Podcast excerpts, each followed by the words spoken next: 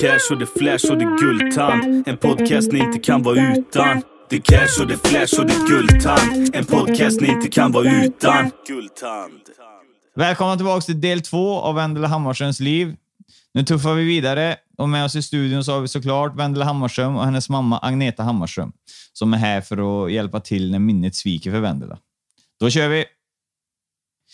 Då är vi, då är vi tillbaka på sjukhuset. De har eh, återupplivat dig och du lever och ont i revbenen. Tar det stopp här eller vad händer här? Nej, det blir nog ännu värre än någonsin. För jag hade ju fortfarande överlevt. Jag ville ju dö. Ja. Så i många år efter det, alltså jag tog för att dö hela tiden. Så jag, jag började alltid kvällen med att ta en överdos och sen eh, dricka massa alkohol. Sen tog det tio minuter så låg man på golvet på olika ställen. Ibland, man hade ju tur de flesta gångerna att antingen mamma räddade mig eller att någon eh, vad heter det, kompis ringde ambulans. Så gångerna som jag har tagit överdos, det är nog kanske 30 gånger som jag hamnat på sjukhus för det i alla fall.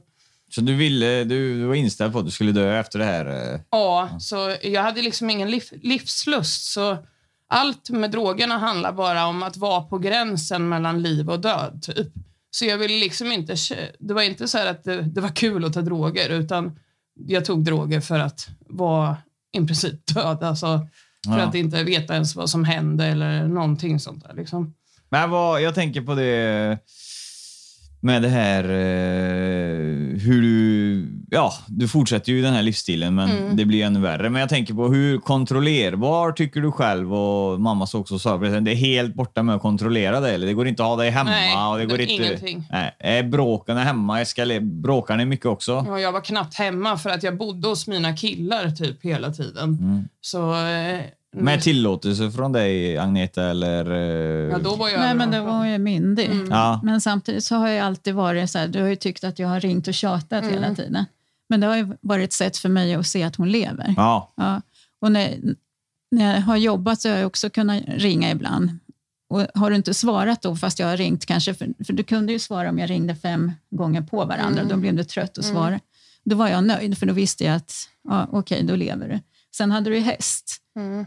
Och det var ju det som har räddat många situationer också. Alltså om jag var borta, då hade du hästen du var tvungen att gå till.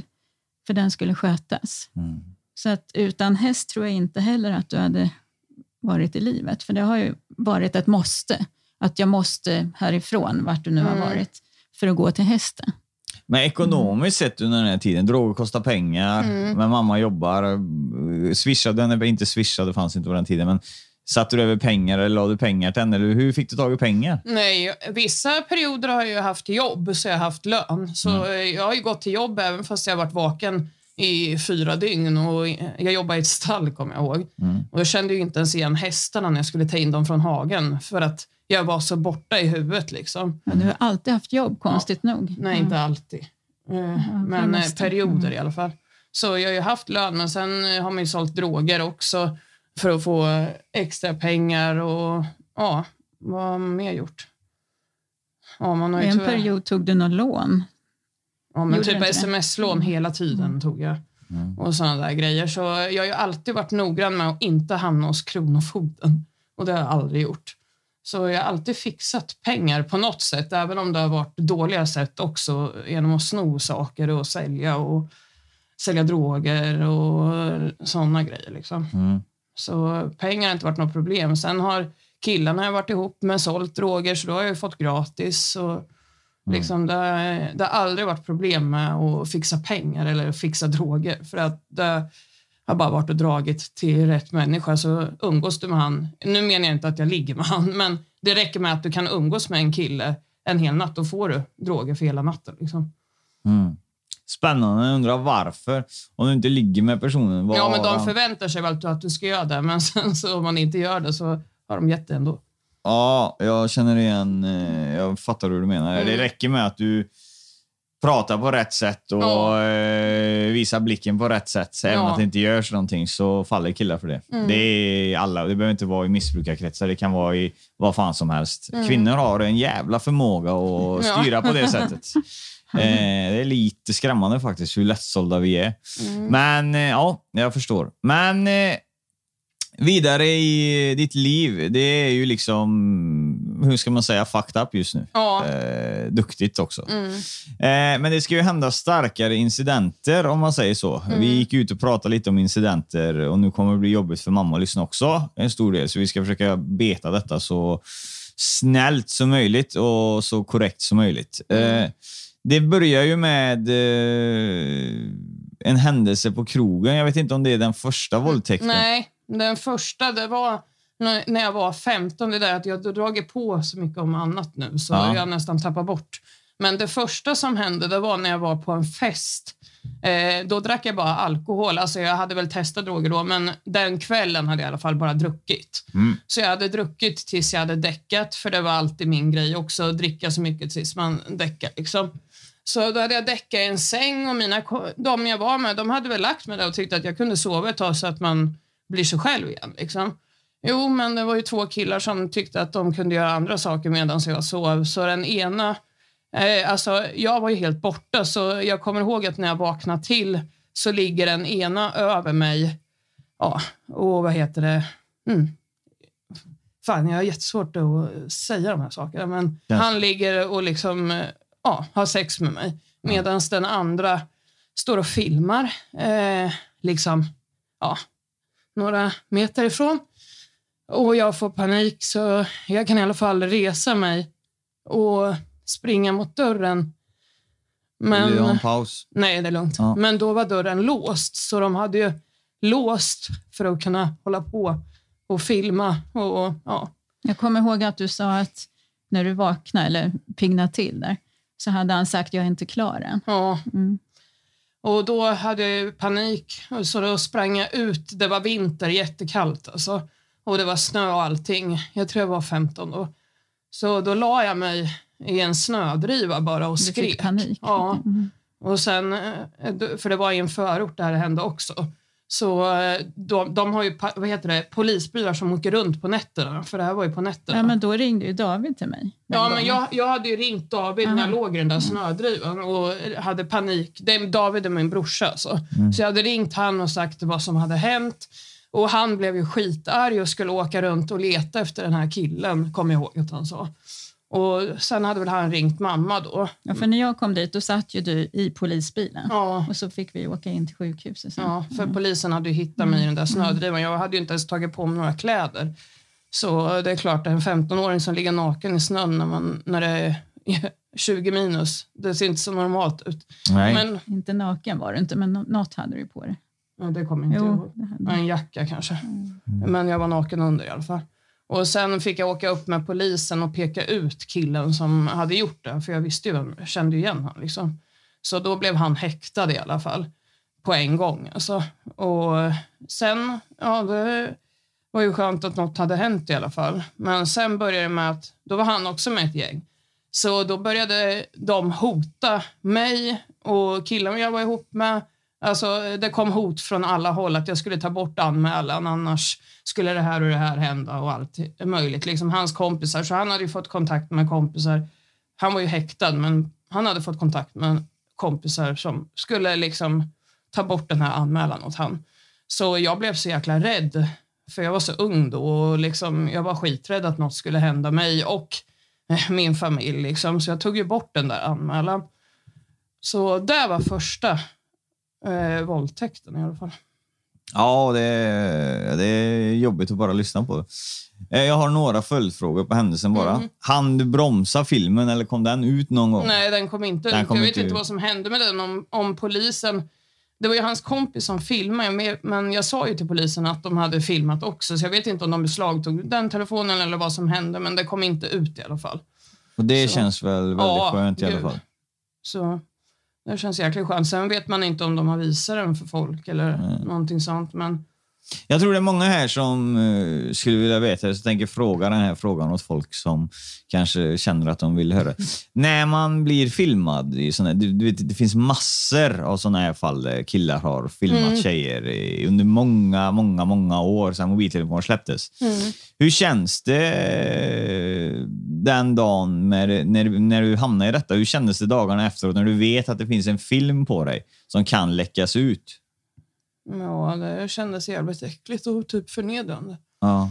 Hur, har du något tips till folk som just nu idag blir hotade med att ja, men gör du inte så här så kommer, vi släppa den här, kommer jag släppa den här filmen på dig. Du vet ju hur många par det är som Ja. säkert filmar. Och när det tar slut eller någonting och så otroheter eller någonting så hotas det med att läggas ut sån här film. Mm. Har du något tips på hur man kan gå vidare från detta och tänka eller hur man ska göra för att man ska kunna bli av med en sån film? Alltså, egentligen inte. Jag har ju alltid varit bara som som lagt typ locket på och låtsas som ingenting och det är inte heller bra. Nej. Så jag vet faktiskt inte något tips. Alltså, jag har ju alltid gjort som hotet har sagt. Att liksom, ja, men som när jag anmälde killarna och jag får hot på mig, då gör jag som de säger. Så ja, jag vet inte. Jag vet faktiskt inte. Jag vet inte vad jag ska svara på det heller. Alltså. Det, det, det är ju så jävla svårt att svara på det. Man ska ju aldrig falla för hot. Men Nej. Eh, vad fan väljer man egentligen? Mm. Det är ingen som kan svara. Vad fan väljer man i det här läget när de hotar familjemedlemmar eller publicerar en sexfilm? Mm. Alltså, det. Alltså, du var ju jätterädd. Mm. Alltså, du, Ja. du låg ju med kniv under Mm. huvudkudden. ja, ja, ja, jag Och vet jag, inte själv vad man ska jag göra. sa ju att anmäl, alltså han ska fast, men du var ju livrädd. Mm. Ja. Nej, jag förstår, jag förstår det. Alltså, fullt ut är att det inte är någon annan. Det blir... Nej, men man vet ju inte hur livet hade sett ut. Hon mår ju redan dåligt där som är och sen ska det komma ut en sexfilm då Ja. mitt uppe detta på en... Eh, eh, men idag tror jag att det hade sett annorlunda ut för idag är det mycket mer eh, i den kriminella världen så är det mycket mer anti med Mm. kvinnovåld och våldtäkter. Alltså de står ju inte högt om Nej, folk idag. alltså så de att- jag har hängt med, då har aldrig varit sådana där Nej. grejer.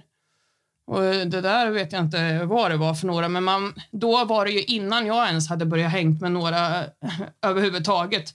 Liksom hade, eh, så då blev man ju rädd för allt. Jag visste inte vad sådana där kunde göra eller någonting. Liksom. Så, mhm. Hur fick det dig att känna som mamma här i, när du blir medveten om att din dotter har varit med och blivit våldtagen? Nej, men man blir ju, han går ju sönder. Mm. Alltså, det fruktansvärt. Och likadant åka in på sjukhuset när de tar massa prover för att de ska kunna... i underlivet. Ja, exakt. Ja, ja, en medicinsk undersökning. Ja, ja. Mm. Alltså, det är så förnedrande så att det är hemskt. Och just när man är i början av sin ungdom, som jag kan tycka, det är det bästa man hade. i- Som jag kan tycka, det var ju bästa åren, liksom, de där åren upp till 25-30. Det har det ju inte varit för dig, det har ju blivit tvärtom. Mm. Då ska det ju vara goda saker man ska vara med om. Men här har det blivit att du har blivit rädd i stort sett för killar istället. Han ni Mm. bearbeta och våldtäkten någonting eller var det bara, lades allt eh, fokus på att det var hot under tiden eller hann man bearbeta och prata någonting om Nej, detta? ingenting. Och jag, sen har väl jag inte varit bra på att prata om saker heller. Så här, när saker har hänt så har jag bara... Det är som att jag typ har låtsas som att det har hänt någon annan. Som att, det låter jättekonstigt, men som att jag är typ två personer och att jag lägger över allting jobbigt på den andra så inte jag behöver tänka på det. Och sen... Har, man glömmer, det har ju varit så Ja, mycket som man det glömmer nästan eh, tid. Och, men jag vet också att i den här vevan när allting började trappas upp. så Jag har ju haft kontakt med både kuratorer, socionomer, psykologer ps- eh, på barnpsyk där och när du har blivit äldre också. Högre än psykologer. Och det var en som sa att det är nästan omöjligt att komma in på djupet. Du ville inte prata. Nej. Så hon hade jättesvårt att nå dig, kommer jag Mm. ihåg. Så att då kommer man ju ingen vart. Och sen hade vi också en kontakt som du gick till faktiskt några gånger, när du blev över 18. Eh, Erik. Jaha, några, ett fåtal Ja, gånger. ett få, men ändå. Och, eh, där öppnade du det lite grann, men sen fick du nog och då skulle det absolut inte Mm. gå. Så du var väldigt svår liksom, Mm. att, att hjälpa också i den här situationen. Även om man ville att du skulle få hjälp och och liksom öppna det och få bearbeta det som har hänt, så ville du hellre Men bara ha det som vanligt. droger. Jag vill hem till hästen och jag vill ha det som vanligt. Liksom. Mm. Gömma. Ja, eller bara ta lite piller så slapp man tänka. Mm. Det är nu de senaste två åren när jag har varit drogfri som allt det här har kommit tillbaka. Mm. Så nu har jag ju gått hos psykolog i eh, över ett år. Och, Men nu har du valt det själv Ja. och då funkar det. Mm. Har du öppnat dig något hos den Ja. psykologen? Då? men eh, vi har inte hunnit med traumabehandlingen än eftersom att det har varit så mycket annat först. Det här första året som jag har kommit in på en grej i ena mötet, sen en annan grej, så det har varit lite fladdrigt. Jag Jo, lite men det har fladdrig. du och jag Ja. pratat om eh, på telefon också när vi snackar. Ja, det är exakt så det blir hos psykologen, så då blir det att man inte hittar någon röd tråd. Så För du hoppar. Ja. eh, Men det jag tycker det har gått jättefint den här Ja, eh, podcasten än så länge. Eh, och du sköter skitbra. Men eh, till din psykolog då, det var, du har redan trotsat den psykologen. Han tyckte ju inte, eller hon då. eh, Ja, det är flera som har sagt att vi, vi, vi kan inte, vi Nej, når det inte. Nej, nej, Hon, nej. hon tyckte inte att jag skulle vara med på podden. Nej. För Alltså, okej. Mhm. för att hon tycker inte att vi har bearbetat, så hon vet inte min reaktion på Mm. sakerna vi pratar om. Mhm. Men jag känner ändå att jag liksom... Jag har gått igenom det här i mitt huvud så många gånger. Så, Ja. Ja. Spela upp podden för henne sen så kan hon skicka fakturan till mig. Ja, hon sa att hon ska lyssna på Ja. Hon var lite mer positiv sist jag träffade henne. Ja. ja, nej, vi får ha lite skoj också. Det är en mörk historia, men vi, vi har ju pratat en del du och jag nu. Och vi, Ja. vi, man fann varandra rätt snabbt när vi snackade. Vi har Mm. samma humor och Ja. det, det, var, det var roligt att prata. Sen har ju du följt min podd länge. Det är just Ja. därför du har hamnat här idag. Alla avsnitt. Ja. Eh, men eh, vi var på första våldtäkten och där hoppade vi ju lite för vi har ju gått igenom eh, olika ja, trauma i livet. Eh, och vi var först på drogerna, men det har ju hänt grejer parallellt med det här. då. Och Det här var ju tyvärr inte den enda händelsen just med det här med våldtäkter. Utan det finns en väldigt... Eh, alla våldtäkter är ju skit och hemska som fan, men det finns en som är, den är lite mer extremt eh, äcklig, tycker jag. Jo. Vill du förklara?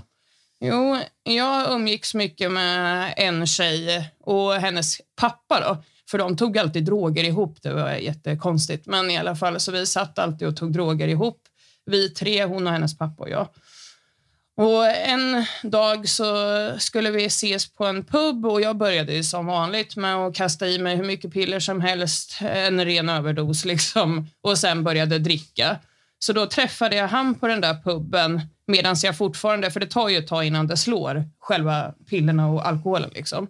Så då satt jag och pratade med han, för han hade kommit dit och min kompis skulle komma. Men det gjorde hon aldrig och jag vet att jag skickade sms när kommer du? För jag kände det obehagligt att sitta med han. Jag menar, umgås med bara han själv. Det kändes så här konstigt. Och hon skrev att jag är där om fem minuter. Man väntade fem minuter, men hon kom aldrig. Så sen då stupade jag ihop som vanligt och puben ville ringa ambulans. Men då, det här har jag hört i efterhand av liksom puben. Och eh, då ville de ringa ambulans eftersom att jag inte kunde stå på benen och hållde på och spydde och sånt. Och då hade han sagt att nej men jag eh, kör hem henne i taxi, jag vet vart hon bor och jag hör liksom, ja, jag tar hem henne, det är lugnt liksom. Så, eh, men då, då körde han mig hem till han och jag hade spytt ner hela taxin så jag var ju, det var ju bara ett under att jag ens överlevde den gången men i alla fall, så då hade han lagt mig i hans säng och sen så, vad heter det, ja, så när jag vaknar då är jag naken och han naken bredvid mig. Och eh, jag bara drar därifrån för jag känner mig så jävla äcklad. Och sen har han gått och sagt till en människa efter att han har haft, alltså att han har gjort så med mig. Och jag fattade ju det när jag vaknade. Men att han har gått runt och sagt det till en som han trodde inte skulle säga det till någon annan. Men jag fick reda på det av min kille som hade hört det ja, av den här andra personen som han hade sagt det till. Så Så han har medgett då till en annan vän att han... ja, att var, han hade haft sex med mig den kvällen. ja, utan att eh, du var medveten? Ja, alltså, jag hade tagit 20, ja, liksom en överdos. Det finns liksom ingen chans att jag skulle vakna och ens vilja ha sex med en 55-årig gubbe som är min kompis, vad heter det, kompis pappa. Nej. Så ja, nej, den är jävligt äcklig och det har jag något som jag aldrig har sagt till någon förrän i princip några veckor sedan. Mm, den är vidrig. Mm. Har du konfronterat han efter det här? Nej, han är död. Ja. Han dog för några månader sedan. Så lite typ karma känner jag Ja, faktiskt. det får du gärna känna. Mm. Det är nog mer som gör det. Mm. Ja. Men här i alla fall så... Ja, du är fortfarande på toppen i ditt missbruk om man säger så.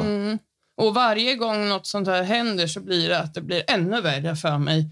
Alltså, att handskas med de här känslorna. Så då blir det att jag tar ännu mer och ännu mer hela tiden. Ja, det är ju trauma efter trauma efter trauma så jag blir. blandar hej vilt. Alltså, det är liksom ett under att man ens lever, men det har varit så mycket så jag har bara valt att leva i en dimma hela tiden och tänkt att jag tar, tar itu med alla känslor sen. Men Ja, din mamma har ju berättat det här innan att Mm. eh, det har ju varit tågspår. Hon har fått ringa och, ringa och stoppa tåget så de inte kör över dig. Och Det Mm. har varit eh, återupplivningsförsök och ja, det Ja, flera gånger. Ja. Mm. Eh, och det är väl ingenting så som vi behöver fördjupa, utan folk förstår ju det. Tar du överdos varje gång så blir det ju, det är ju så, kroppen stänger ju av. Mm. Det var till och med en polis som kom upp. Det hittades ju ute en sommar. Mm. Och han kom upp tidigt på morgonen var det och ringde på. Och det står en polis utanför. Och jag blir livrädd för då tänker jag nu har det hänt något. Nu finns hon inte mer. Nej, då sa han att du behöver inte vara rädd. Hon sitter i bilen men jag vill bara kolla så att du är hemma för hon ska absolut hem. Hon vill inte till sjukhus eller någonting. Men den gången då sa han också att eh, vi har ju tagit hand om henne förr och jag är rädd att det kommer bli att vi får ta med dig till patologen nästa gång eller något typ sånt. Så han, han menar att jag skulle identifiera henne. Ja. Det är så... Inte ens det skrämde det när jag sa Mm. det. Nej. Nej. Så vad man än har försökt att ja, skrämma upp det med, så det biter inte. Nej. Nej. Och hur känns det för dig som mor och liksom ingenting som du försöker göra egentligen når fram? Det Nej, går, det man går ju har inte. bara fått eh, leva på ett något konstigt hopp och hoppas i det längsta att, man, att hon ska vända liksom, på något vis. Ja, hur, har det, hur har det varit för dig? Har du försökt skaffa någon ny kille såna här grejer? Nej, det har inte funnits Nej. ork och tid. Jag, har ju, jag vet att i och med att jag har jobbat på annan ort, så jag vet att jag har åkt hem mitt i natten någon, några gånger också, bara för att hämta hem henne Mm. och sen åka tillbaka om några timmar, bara för att jag vet att hon inte ska vara kvar på fel ställe, så att säga. Mm. Så det- det har varit tufft, men, men det är värt det nu. Ja, det Mm. förstår jag. Mm. Men i stort sett så kan man ju säga det att du har fått pausa ditt egna liv då. För att, nu är du ju mamma, man ska alltid ta hand om sina barn. Mm. Fast hon har också kommit upp i ålder under den här tiden. Jo. Men det är fortfarande pausat eh, ditt egna liv. Eh, det hade säkert inte gått att sköta ett förhållande med att ta hand om henne samtidigt då. Nej. Nej, under den här perioden. Nu har jag haft en, en mamma som har varit extremt hjälpsam också. Hon har ju också funnits där, fast det har varit så svåra saker. Mm. Men hon finns inte längre tyvärr heller. Hur kändes det Vendela när hon försvann? För hon hade varit en stor bild i din... eh, Mm, det var det värsta av allt. Alltså jag har ju haft två kompisar som har blivit mördade.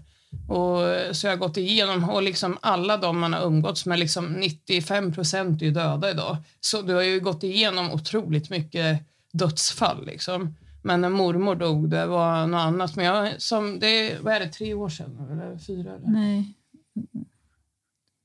Det är snart tre år sedan. Ja, Mm. så jag har fortfarande inte börjat sörjt för att när hon dog så spårade jag ut ännu mer. Alltså, då var det riktigt illa också. Så efter det så har jag bara typ låtsats som att hon... För ibland var det ju att man inte såg henne på kanske två veckor och sånt där. Nu har det gått tre år, men fortfarande det är som att jag tänker att hon inte har gått bort. Jag har ju varit bara vid hennes grav kanske två gånger på alla år. Ja, du, du blir så illa brydd. Ja, jag vill inte, inte se Du verkligheten. vill inte inse. typ. Nej. Så, Nej, för du bygger ju din egna verklighet. Vi- Det stod ju med i det inlägget vi la upp på Instagram för länge sedan nu. Det Där att det här med drogerna och vakna upp utan kläder Mm. här och där på fester. Det blir liksom en vardag för dig. Du, det, Mm. det, du reflekterar ju inte över att det var konstigt längre nästan. Nej, utan du, du letar ju bara upp dina kläder. och Ja, sen, jag visste vad som hade hänt och sen så sket jag i det. Ja. Det är nu man har blivit äcklad av alla de där grejerna. Mm. Men du krampar ju också dagen efter mormor gick bort. Mm. Jag hade bott hos henne på sjukhuset, så jag hade inte koll på riktigt då hur du åt och drack och sov. Men sen när du fick besked att mormor gick bort, då krampar du ju. Och jag har ju epilepsi, det har jag inte ens sagt. Ja, Men du- det fick jag efter att jag blev opererad i huvudet. Ja. Så det har också varit en så här jobbig Fast du har ju inte haft krampanfall förut, det fick du ju då när, ma- när mormor gick bort. Ja, jag hade ju det när jag var eh, ute och red och sånt också. Ja, det var, det, var- ja, fast det var ju inte epilepsi sa de då. Jaha, ja. Så att det är klart att jag kan tänka mig att du inte hade sovit bra och inte ätit och sen en sån stor sorg. Ja, ja. Det är Ja. klart att, mm. Mm. Men överlag så, ditt liv liksom, det behöver man ju inte förklara för folk, utan ditt liv är ju överlag, det är ju droger och det är ju liksom i missbrukarkretsar under den här tiden. Och helt orädd. Liksom, jag kommer ihåg att jag, jag stannade bilar och bara hoppade in i dem för att jag behövt skjuts. Det var en gång jag var tvungen att suga av en kille för att ens komma ut ur bilen. Alltså, jag har varit helt spårad. Liksom. Det var en gång i Stockholm när jag var på en konsert och då hade jag tagit piller så jag blev utslängd bara efter två timmar och blev satt i fyllecell i Stockholm. Då. Och det var ju i Solna, så de släppte ut mig fyra på natten. Och då ställer jag mig och liftar över vägen och bara hoppar in i en bil med en gubbe och han kör mig. Alltså jag har varit så helt orädd över vilka, jag, typ, vilka risker som finns att göra saker. Mm. Så ja, det har väl gjort det ännu värre att jag inte har sett fa- faran i saker också. Ja, du, har, du ser inte fara, men du, en stor del har du varit med om nästan alla faror. Ja, Det är bara att eh, det enda som saknades på kontot egentligen, det är ju att någon av de här killarna skulle mördat dig. Ja. Det är ju det som saknas. Allt annat har du varit med om. mm, och det hände nästan sen. Det är den där misshandeln som jag ska Ja. in på sen. Mhm. Nej, vi kommer nog till den nu, för det är det jag skulle förklara för lyssnarna att eh, man behöver inte bolla så mycket annat för att i missbrukarvärlden då som det är, man gör inte så mycket annat än missbrukar och sover och det händer konstiga grejer. Mm. I det här fallet så har vi en orolig mamma eh, som man inte har i alla fall, utan eh, vissa finns det ju de som inte någon bryr sig om.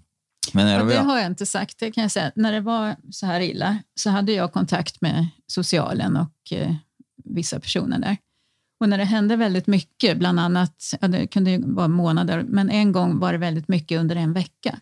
Och de gjorde en utredning. Det jag får till svar, för jag ville gärna att hon skulle in på behandlingshem eller någonting. Det har hon ju aldrig fått.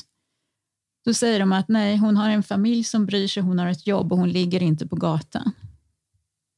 Så Mm. vi fick ingen hjälp, fast det hände saker hela, Mm. hela tiden. Jag Där tycker det har är du- ofattbart. där har du en spegling på det jag sa där. Ja. Precis, att bara för... Ja, Mm. det finns ju Mm. de som inte bryr Mm. Det är sjukt att det är så. Det är jävligt Mm. sjukt, för här har vi ju helt klart ett fall. Du, du kan ju inte hantera situationen. Det går inte. Det Nej, finns ingen jag människa som känner klarar att av som det. du har berättat, det är vissa som du har känt som har varit inne flera gånger på Ja. såna här hem, men du fick aldrig åka fast jag du har...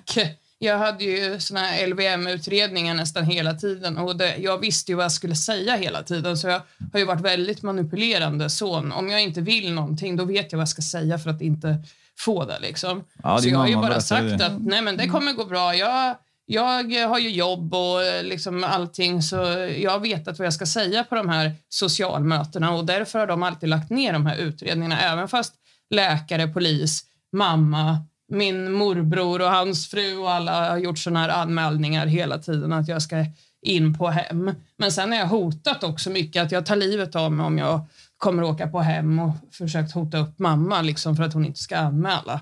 Så jag har ju varit väldigt elak också på det sättet. Mm. Att jag har hotat folk med att jag ska ta livet av mig om, om jag kommer åka in på hem. Då kommer jag dö innan jag åker in. Och med tanke på att jag gjort så många självmordsförsök så förstår jag ju att folk tror ju att jag kommer göra det också. Mm. Ja, ja, du har ju, du har ju inte... Det är inga blanka skott du har skjutit alltid, utan Nej. du har blivit återupplivad eh, två, tre gånger. Mm, Så att eh, det är klart att folk tar det på allvar. mm, Men vi kommer till en händelse till. Jag vill ha upp en artikel, Aftonbladet. Svårt misshandlad kvinna hittad i eh, Uppsala. mm. Ja, Gottsunda. Gottsunda. Mm. Vad händer här? Nej, jag skulle... Jag hade en kompis på den tiden, eller ja, det är ju några år sedan, men en kompis som bodde i Östersund. Hon hade bott i Örebro. Det är hon som jag har hängt med hela tiden från jag var... När det började spåra Ja, ur den som nya jag- kompisen. Ja. Liksom. Mm. som jag hade när jag kom ut från sjukhuset. Så vi hade ju känt varandra i över tio år. Liksom. Men sen hade hon flyttat upp till Östersund liksom, i några år. Och då blev det ju svårt att träffas då eftersom jag bodde i Örebro och allt sånt där. Liksom. Så då sa hon att hon skulle till sin eh, vad heter det? farbror i Gottsunda i Uppsala. Liksom. Så, och hon skulle in på behandlingshem bara typ två månader efter. Så vi bestämde att vi skulle ses och dricka och ta någonting liksom för sista gången. Så då åker jag upp dit och träffar henne. Och eh, hon hade ringt någon dag innan och var jätterädd för sin farbror för att han hade fått psykos och hade sagt att han skulle eh, ja, göra någonting med henne. Liksom. Så, där, så hon var jätterädd för honom. Och då sa jag att när jag kommer då vill jag inte vara hos din farbror i alla fall. Nej då, jag har träffat, eller jag har fixat ett annat ställe vi ska vara på. Och när jag kom dit, då drog vi till en annan kille och han var jättesnäll och allting. Så här. Men sen på morgonen, då skulle han till jobbet så då fick ju inte vi vara kvar. Och då drar vi hem till den här farbrorn då. Och så är vi där hela natten och han har ecstasy som eh, liksom vi köper av han då. Och jag skulle få lön på måndagen så jag hade inte så mycket pengar på mitt konto. Och sen, eh, eller vad heter det, min kompis hade lovat att låna ut pengar den helgen. Men hon, när jag kommer dit så säger hon att hon inte har pengar i alla fall. Så då får vi krita av han alltså. Eh, låna eh, ecstasy av han.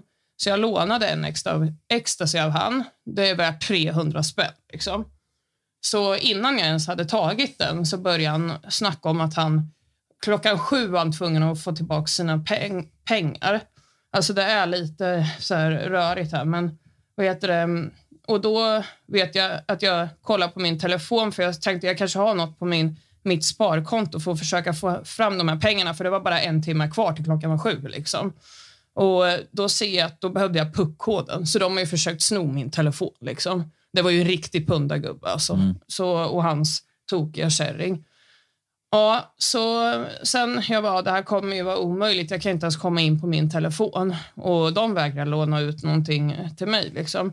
Så börjar de hota upp mig redan när jag sitter i soffan och jag tog det inte så allvarligt då. Att, eh, jag menade det var 300 spänn och jag sa att jag skulle betala för min mamma skulle komma och hämta mig eh, klockan nio eller vad det var. Så jag vet, visste ju att mamma hade kunnat gett mig de där 300 i alla fall, när hon vet vad som kan hända. Liksom. Så eh, då, då säger jag där, nej, han skulle ha de där 300 innan klockan sju. Och jag kunde inte få fram det på något sätt, för jag ville liksom... Ja, ja det gick i alla fall inte. Så eh, efter bara en stund då fick jag panik för att jag kände att det blev så hotfullt där. Så då gick jag mot dörren, men då kommer hans tjej och ställer sig för dörren och låser så jag inte kommer ut. Liksom. Och sen kommer den där galna gubben med en, eh, vad heter det, hammare och ger till, vad heter det, hans eh, fru eller vad säger man, hans tjej. Mm. Och han säger, gör vad du vill med henne, jag är så trött på henne nu, gör vad du vill med henne. Och då lägger hon den där hammaren på hatthyllan.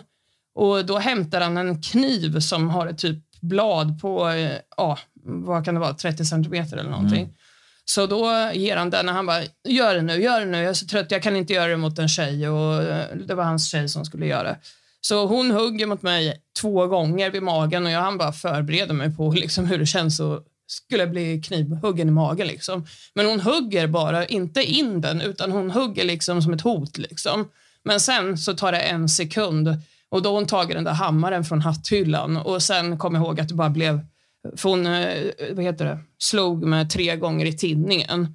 Så jag kommer ihåg att det bara blev varmt. och ja, typ, Det är askonstigt att förklara, men det var som att livet typ försvann från mig. För att Det började eka i öronen och sen blev det varmt och jag faller till marken. Och Sen hann jag tänka på det är det här dödsångest tror jag som jag fick. För jag började tänka på mamma och ingen kommer få reda på att jag är död. Jag hann tänka på det fast det bara tog någon mill millisekund innan jag var på marken. Liksom. Mm. Så eh, jag fick någon asstor panik där. Och Sen blev det bara svart. Och Sen när jag vaknade, eller vad man säger, så har den där gubben hämtat en skruvmejsel och står och slår med. Och jag kommer i alla fall upp och liksom får brotta mig ut från dörren och jag hann se mig själv i spegeln. Och jag kände inte ens igen mig själv för det var bara blod överallt liksom, i hela huvudet och håret och allting. Liksom. Så då kunde jag i alla fall få, komma ur den där jäkla dörren och i princip halvramla ner för trappen. Och jag skriker och gråter hela tiden för jag är i panik. Och då är det någon från hemtjänsten som ska in till någon som vad heter det, hittar mig. Liksom. Och hon ringer ju polis direkt så de kommer ju med ambulans och allting och jag blir inkörd till sjukhuset och allting. Och sen ja, efter den händelsen så den har verkligen typ skadat mig psykiskt för jag har inte kunnat sovit ordentligt ja, sedan 2017. Hur många år är det? Fyra år snart. Så, och jag fick PTSD efter det. Så varje natt vaknar du av att du känner den här ångesten du kände när det liksom slaget mot tinningen hade blivit och man fall till marken. Och någon dödsångest. Liksom. Så vaknar jag av att jag blir dödad i sömnen, jag blir jagad, jag får sömnparalyser över att det är eh, folk i mitt rum som bankar på dörren för att ja, du har ju en rädsla hela tiden efter att ha varit med om och sånt där. Typ. Så ja, så eh, det där har verkligen typ satt spår och det är därför jag också går till psykolog. nu, Typ. Så du har alltså- slutat med droger också? Ja. Mm. Det är alltså för eh, 300 spänn blir du utsatt Ja. för den här situationen. Så då kan ni fatta. Ja, det är ju... Ja, det är ju... Ja, hur fan ska man uttrycka sig? Det är ju riktiga Ja. pundarkretsar sånt här händer. Han var ju en riktig, så här, han är ju en äldre pundare också som Ja. liksom en riktig schackpundare. Alltså, så Ja. Han gjorde ju vad som helst för ingenting och han sa ju där, anmäler du så kommer jag döda dig. Eftersom att det blev anmält, det var ju inte jag som aktivt anmälde eftersom polisen kom på grund av hon från hemtjänsten som ringde in. Då. Men sen efter det där så Ja, jag tänkte ju att folk skulle, eller någon från polisen skulle förhöra mig och allt sånt. De ringde inte mig en enda gång. Jag ringde och sökte för förhörsledaren tre gånger och de ringde aldrig upp mig. Så eh, det blev ingenting med det där. Det blev ingen rättegång eller någonting. Fast du har namnet till och med. Ja, det är helt sjukt alltså. Det är för att du själv har blivit, jag tror att det är för att jag själv har blivit dömd för saker. Då bryr de sig inte lika mycket om en. Typ sådana grejer. Vad är du dömd för? Nej, gud, jag kommer knappt ihåg allt. Mycket är ju över fem år sedan, så det går ju... Men i början var det ju Narkotikabrott måste det ja, flera gånger. Och sen ringa narkotikabrott. Och sen är det ju våld mot tjänsteman flera gånger när jag blivit galen på psyket och typ brottats med dem. Och sen eh, var det ju grov, eh, vad heter det, rattfylla och eh, vad har det mer varit? Stölder, snatterier. Ja, gud, jag kommer knappt ihåg. Det är ganska mycket. Och därför tror du då att poliserna kanske ansåg det som att du inte är någon viktig person? Ja, då, för jag vet ju hur de behandlar mig vid den där första våldtäkten när de häktar killen direkt och allting, för då var jag inte dömd för någonting. Men sen när man har anmält andra saker efter att ha blivit dömd för allting, Mm. då har du bara fått ett brev hem en vecka efter oavsett hur grovt det har varit, att eh, förundersökningen läggs ner. Mm. Så det, det är liksom typ ett kvitto på att det är så, känns det. Och det är andra som säger att de känner så också. Mamma säger en viktig sak här som vi inte glömmer. Jag tror ingen gör det. Efter den här händelsen så poängterar hon det att du slutar med droger också. Ja, jag började ta det i alla fall jäkligt lugnt efter den händelsen och bryter med alla, så jag ligger ju ensam. Alltså, jag har ingen att umgås med, ingen som liksom skickar sms och frågar vad jag gör. Eller, du vet, jag tror jag aldrig nästan har mått så dåligt som under de två, för, eller det första året där efter misshandeln för att jag hade liksom Ja, du var ju ingen- livrädd också. Ja, du var ju rädd. Du ville ju bo hos mig. Du Mm. ville ju inte bo i din egen lägenhet. Mm. Mm. Så, och sen var helt ensam i det där utan någon. För hon kompisen som jag hade haft i tio år, hon var ju med när jag blev misshandlad men hon drog ju bara när jag, hade, när jag låg på marken och hade blivit slagen. Då, med hammaren, då drar hon ut och jag skriker efter henne men hon bara drar. Så eh, att bli lämnad så av en kompis som du har känt i över tio år och efter det har hon inte hört av sig. Så det tog jävligt hårt Fast faktiskt. konstigt nog, det var ju också lite lustigt den gången. Jag hade jobbat och jag hade sagt att jag skulle komma och hämta dig istället för att du skulle åka tåg hem. Och jag får inget svar i någon telefon, för den är ju död. Mm. Då ringer jag till sjukhuset i Uppsala när jag kommer till Uppsala och frågar om de har min dotter där. Och så säger hon att hon ska kolla, så kommer hon tillbaka och säger jo, hon är faktiskt här. Och jag kände bara att det kan inte vara möjligt. Så då åker jag till sjukhuset och där ligger du ju sönderslagen. Och när vi ska åka hem på morgonkvisten från sjukhuset, då kommer ju den här tjejen in. Mm. Ja, För så hon, psykos. ja, då, då säger personalen att jo, du har kommit in för psykos. Nej, jag har ingen psykos, ligger hon och skriker då. Jag känner ju igen henne. Mm. Så hon mådde Så hon såg ju att vi åkte hem när hon kom in. Mm.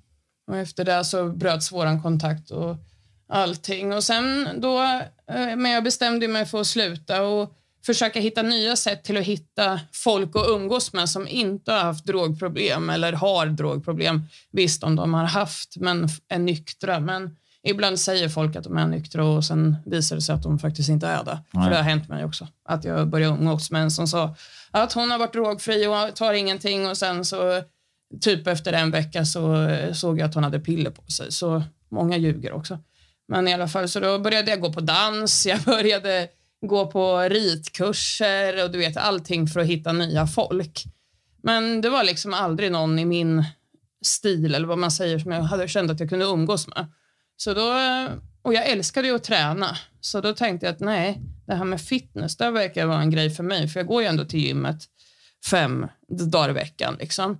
Så då bestämde jag mig för att skaffa en coach och börja liksom, träna för att kunna tävla i bodybuilding. Så, och där har jag ju träffat de kompisarna jag har idag. Mm. Och sen har jag ju eh, liksom några från gymmet också som jag träffat på gymmet. Men alla kompisar jag har idag kommer från träningen på något sätt. Så det var väl, verkligen en väg ut. Plus att nu säger du ju att du är rädd för att dö istället. Ja, ja, nu har jag ju liksom... nu är är det på ett extrem nivå åt andra hållet att jag tror att jag har sjukdomar och sånt nästan. Så nu älskar jag livet och jag eh, liksom gräver mig inte ner i det som har hänt utan jag ser framåt. Men nu pratar jag om det som har hänt. Men liksom, annars sitter inte jag och tänker på och grubblar över att jag mår dåligt över saker utan jag ser mer framåt nu. Man såg ett leende där från mamma när hon säger det, att idag är hon rädd för att dö. Ja, fy. Ja. Det, går, det går aldrig att beskriva liksom hur man har haft det. Nej. Aldrig. Jag förstår det fullt ut. Eh, Men du måste känna ett litet lugn idag, va? Ja, ja, ja.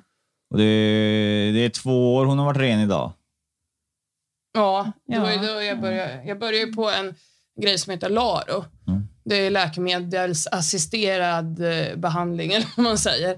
Så då får du liksom en eh, medicin av dem som ska ta bort din abstinens. Och det var två år sedan jag började och då blir du ju kontrollerad med urinprover tre dagar i veckan och allting sånt där.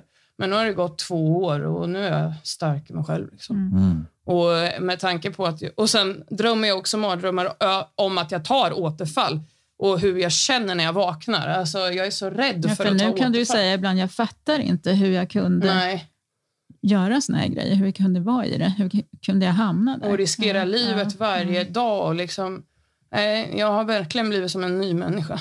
Ja, ja det är ju det Sen- är helt fantastiskt. Sen kan jag väl erkänna att det har varit smärtsamt också. Inte bara det här att du har gjort, hamnat i ett missbruk. Och sen sjukdomen och sen det här utanförskapet av dina bästa kompisar. Och de, jag kan anse att de nästan gjorde så att du förlorade ditt körkort. Mm. Du hade ju en psykolog i den perioden. Han menar ju på att det var mobbning på hög nivå. Och jag kan, det var så mycket i den perioden så att jag, jag kände att han tyckte att vi skulle anmäla dem på något Ja, vis. Och jag kände ja. att det var så mycket som man, man stod inte ut. Liksom. Men Jag åkte Men- dit för grov rattfylla, men Ja. jag körde inte bilen Nej. utan det var tjejer som gaddade ihop sig Ja. och anmälde och sa att jag hade gjort det, fast jag inte hade gjort det. Men nu går vi tillbaka, vi ska Ja, försöka jo. avsluta. Nej, men jag, jag kände bara att... Ja. för du blev ju ändå av med ett körkort som du hade fått. Ja, men det hade ju ändå gått åt helvete. Jag, hade ju re, körde ju runt den där bilen drogpåverkad ändå, så det hade ju gått åt helvete Ja, oavsett. i och för sig kanske, men det jag kanske tror ändå inte att på mig också. den gången så tror jag inte att du hade försökt att starta den på natten. För Nej. den stod ju, när jag var där på Ja. morgonen stod den precis Ja, som du hade i det. Och det var inga hjulspår att du hade kört Nej. någonstans heller. Så att jag, sa att tog, jag hade backat på Ja. en tjej och allt möjligt. och jag kunde inte se någon buske som var nerkörd. Nej, det var ingenting. Mm. I alla fall. Så det har varit liksom mycket. Mycket olika. i en känslig ålder. Mm. Liksom, vis. Mm. Idag är du 28 år gammal. Ja, ja. Ja, Fyller 29 det här året. ja, och varit eh, drogfri sedan du var 26 då ungefär. Ja, Sen, alltså jag kommer bara ihåg maj två år sedan. Det är då jag blev drogfri. Ja. Så exakt två år om några dagar. Och idag arbetar du på ett hunddagis. Mm. Ja. Det är Mm. ett jävla liv när man ringer dig när du är ute och går med hundar. Ja. och så ska jag öppna mitt egna också. Ja. Så jag gick en sån utbildning. Ja, du betalar 10 000, sen får du göra några frågor och sånt. Så jag har diplom för det. Så jag vill köra igång den nu när coronan är över. För det är så många som jobbar hemifrån nu. Så då behöver de ju ingen hundpassning. För det märker ju där jag jobbar. Det har ju blivit hälften så lite hundar. Så det är mitt mål nu. Öppna eget hunddagis. Och sen fortsätta med träningen och fitnessen på sidan av. Liksom. Ja, då får vi komma och provjobba lite på hunddagis. Jag gillar djur. Alltså. Det är roligt. Alltså. Ja. Ja. Mamma harmonisk idag. Känns bra. Att Ja. dottern har kommit på fötter. Jo, jo, Ja. Mhm. nu kan man andas ut lite. Ja. Fast de kan fortfarande ringa mig om en ambulans åker förbi. Ja, ja. Ja, Ja. jag ville bara kolla så att det inte var du. Ja, det, det, tar nog, det kommer nog att göra livet ut, Ja. känns det som. Ja, nu när det är lugnt så får du ut på dejta nu. Vad får jag göra? Ja. Tinder? Ja, skaffa Tinder nu till morsan. Nu är du lugnat ner dig, så nu får hon starta sitt liv nu. Ja, du brukar kunna hitta några lämpliga åt mig. Ja, Ja. ja du är ju också singel, så att Ja. ni får ju dejta Vi ihop får nu. hjälpa varandra. Ja. Dubbeldejt. Ja. Nej, men jag tycker att det här avrundar ju avsnittet eh, till det fantastiska. Att vi har släppt och vi har gått vidare i livet. Det finns en väg ut. Ja. Och det tror jag många här... eh, Du har ju gått en extremt hård väg. Det är vissa som missbrukar, men inte på den nivån. Nej. Nej, det blev jag ju typ känd för i Örebro. Alltså, alla, som, alla visste vem jag var för att jag var så utspårad. Och det var inte kul att vara känd på det sättet, men Nej. det blev så. Det ryktet kommer du bygga tillbaka Ja. till det positiva. Jag hoppas det. Många är ju så dömande än för att man har så mycket tatueringar och sånt där. Ja, det var det jag skulle fråga. Ditt utseende. Vi kommer ju lägga ut en bild där, så man kommer ju se både mamma och dotter och guldtand ihop här. Men tror du att ditt hårda utseende har med ditt hårda liv att göra? Mm, nej, alltså jag började med de här tatueringarna jättetidigt. Det var ju innan jag blev myndig till och med. Så hade jag ju en hemmatatuerare som började köra på mig. Och då ville jag så här, vara helt tatuerad inom ett år helst. Så då började jag köra hur fula tatueringar som helst. Bara Nej, bild- Vendela, när du tog studenten hade du bara i svanken och här. Ja, men då var jag ju 18. Eller ja, det kanske var precis efter jag blev myndig då, som jag började tatuera mig. Jag Ja. kommer inte ihåg. För du Ja. fick ju ta den i svanken. Men det var ju för att jag var omyndig. För att du var Ja, för tvungen att följa Ja, med. men du hade ju inget mer än det på armen Nej, när du tog men jag sa ju studenten. Du var det- ju 19. Jag sa ju det, du var, vad heter det, jag började tatuera mig innan jag var myndig. Det var ju därför du var tvungen att följa med för att godkänna. Jo, men då var det bara två stycken. Ja, men vad, vad är det du vill komma fram Ja, till? allt det här. Ja, men det är ju, jag säger ju det, inom ett år vill jag vara fulltatuerad. Det var ju därför jag fortsatte. Ja. Fan, ni har hållit hela podden nu, men nu, nu, nu börjar det Nu komma. börjar jag bli trött. Fan, vi har suttit i bilen i fyra timmar tillsammans nästan. Nej, det här är ett avsnitt som faktiskt är ett av toppavsnitt att göra. faktiskt. Det har varit jävligt intressant, eh, får jag säga. Jag tror Nej. Judis Jag här... hoppas det inte blev rörigt. Nej, nej Jo, absolut. det känns helt kaos. Ja, lite faktiskt. Ja, nej, nej. Ja, era huvuden kanske gör Ja. det, men utåt sett så har vi suttit här, både en ljudtekniker och jag sitter ju här och med och vi har ju bara hoppat en gång och det var när jag hoppade tillbaka i 15 år, men det gjorde vi helt korrekt. Så alla har fått en helhetsbild av ditt liv. Mm. Och nu gör vi faktiskt så att vi nöjer oss där, för det är så livet är då. Ja, ja. Jag vill tacka er så hemskt mycket att ni ville komma. Tack så mycket själv. Tack själv. Ja, och det här är riktigt bra att mamma vill följa med och boosta. Ja, och, det var bra. Ja, Annars vet jag inte om jag hade klarat det. För att Det är bra att ha mamma. Ja. Ja, mamma är bäst. Ja. Mm. Ja, mina vänner. Det här var avslutet av Vendela Hammarströms eh, berättelse om sitt liv som missbrukare. Och med sig har hon haft sin mamma, Agneta Hammarström, som har varit med och berättat hur det har varit och levt som mamma till en missbruksdotter. Eh, det här är ett avsnitt som jag nog aldrig kommer glömma. Det blev riktigt bra och att ha med sig en förälder eh, för första gången som är med och berättar sin bild av det hela gör ju att Eh, nej, jag har inte hört någon annan som har gjort det. Så jag hoppas ni är lika nöjda som jag, så ses vi nästa måndag klockan 12. Och som sagt, missa inte att hänga på Instagram, Gultans podcast. Det är där liksom jag släpper mina nya gäster och tävlingar och så vidare. Så in och följ där så missar ni ingenting. Ha det bäst från Alex Gultan. Tjena!